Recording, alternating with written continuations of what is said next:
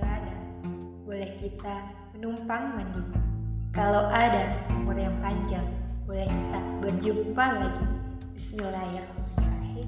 Assalamualaikum warahmatullahi wabarakatuh. Hey you everybody and hello guys. How are you? Kaifa hal? Ni hao ma? And apa kabar gengs? Semoga kita senantiasa dalam lindungannya ya, apalagi di tengah ujian pandemi COVID-19 pepatah mengatakan tak kenal maka tak sayang. Maka dari itu, perkenalkan saya untuk memperkenalkan diri. The first time you hear, tentu kalian mengira bahwa saya ini Iwan. Nama saya Hasbisa Reza Kubaisi. Waktu kecil sampai SMP panggilan saya Reza. Udah besar dari SMA sampai sekarang panggilan saya Hasbi. Jadi barangkali untuk ke depannya teman-teman mau manggil Aisi sapi. Episode kali ini bukan mengangkat topik khusus, bukan juga mengangkat hal yang formalitas. Episode kali ini Asbi mau review drama seri dari negeri jiran kita, Malaysia, yang berjudul Nur. Drama ini Hasbi tonton waktu libur semester kemarin. Dalam drama ini menceritakan gimana jadinya saat seorang ustadz dan juga anak dari seorang tokoh agama terpandang jatuh hati kepada anak dari wanita Hasbi nggak fokusin bagaimana ceritanya, gimana alurnya, tapi Hasbi lebih fokusin ke apa yang akan kita dapat, hikmah dan motivasi seperti apa yang kita dapat setelah menonton drama. Sebelumnya, Hasbi mau ngasih satu pertanyaan nih. Apa yang kalian bayangkan ketika mendengar kata ustadz dan wanita malam? Hasbi kasih waktu 5 detik buat kita berpikir. Oke, dua, tiga, empat, lima. Oke, waktu habis.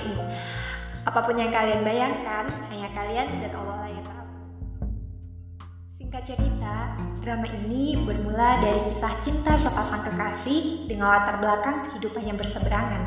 Adam, anak dari seorang tokoh agama, tersentuh hatinya oleh Nur, anak seorang wanita malam yang selalu memberikan pertanyaan seputar Islam di setiap kuliah subuh yang ia pimpin. Jadi, Nur sudah lama ingin keluar dari kehidupan malam yang dijalani oleh ibunya. Berbagai rintangan dialami Nur untuk keluar dari kehidupan. Apakah manusia mengira bahwa mereka dibiarkan hanya dengan mengatakan, "Kami telah beriman," dan mereka tidak diuji? Bukankah begitu kata Allah dalam surah Al-Ankabut ayat 2? Yang dapat diambil dari ayat di atas bahwa setiap orang yang mengaku beriman tidak akan mencapai hakikat iman yang sebenarnya sebelum ia menempuh berbagai macam ujian. Filah, tantangan bukan untuk mereka yang ingin berhijrah saja, tetapi tantangan untuk kita juga.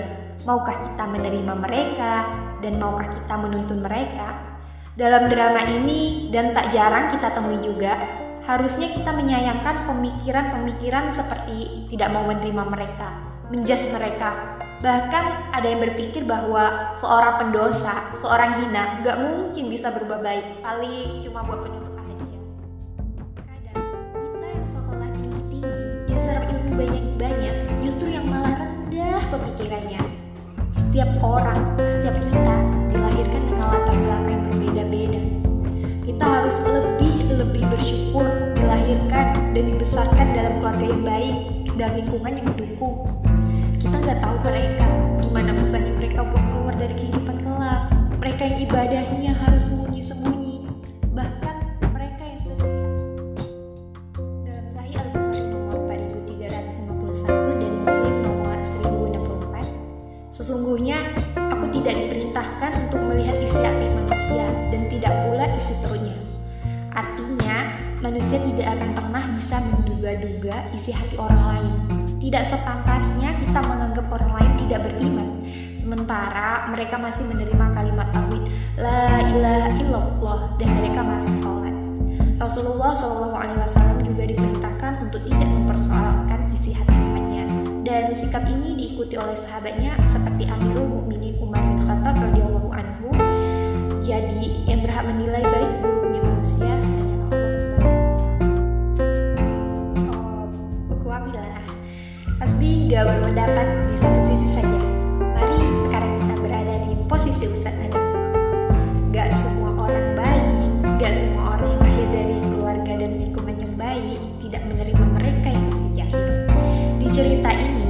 Ustadz Adam atas nasihat ayahnya, dia menikahi Nur agar dia bisa membimbing Nur, bisa membantu Nur keluar dari golongan lorong kalau kata orang Malaysia, dari golongan orang yang masih jahiliyah. And next, ujian yang dapat setelah mereka menikah yaitu ujian terhadap keluarganya. Keluarga Adam tidak menerima Nur, tetapi mereka mencoba, mencoba untuk menerima. Jangan karena merasa kita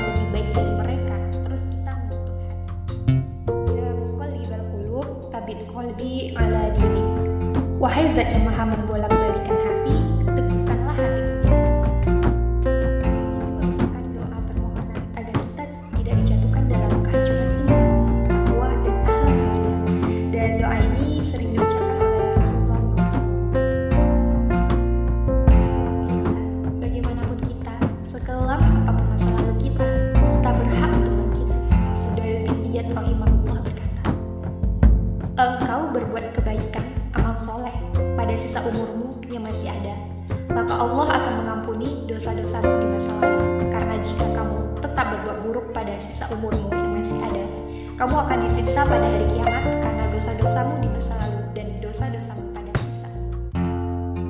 Ujian terus datang untuk mereka yang akan membenahi diri. Semakin Allah mencintai hambanya, semakin berat ujian yang diberikan padanya. Kenapa Allah tidak memberi dunia?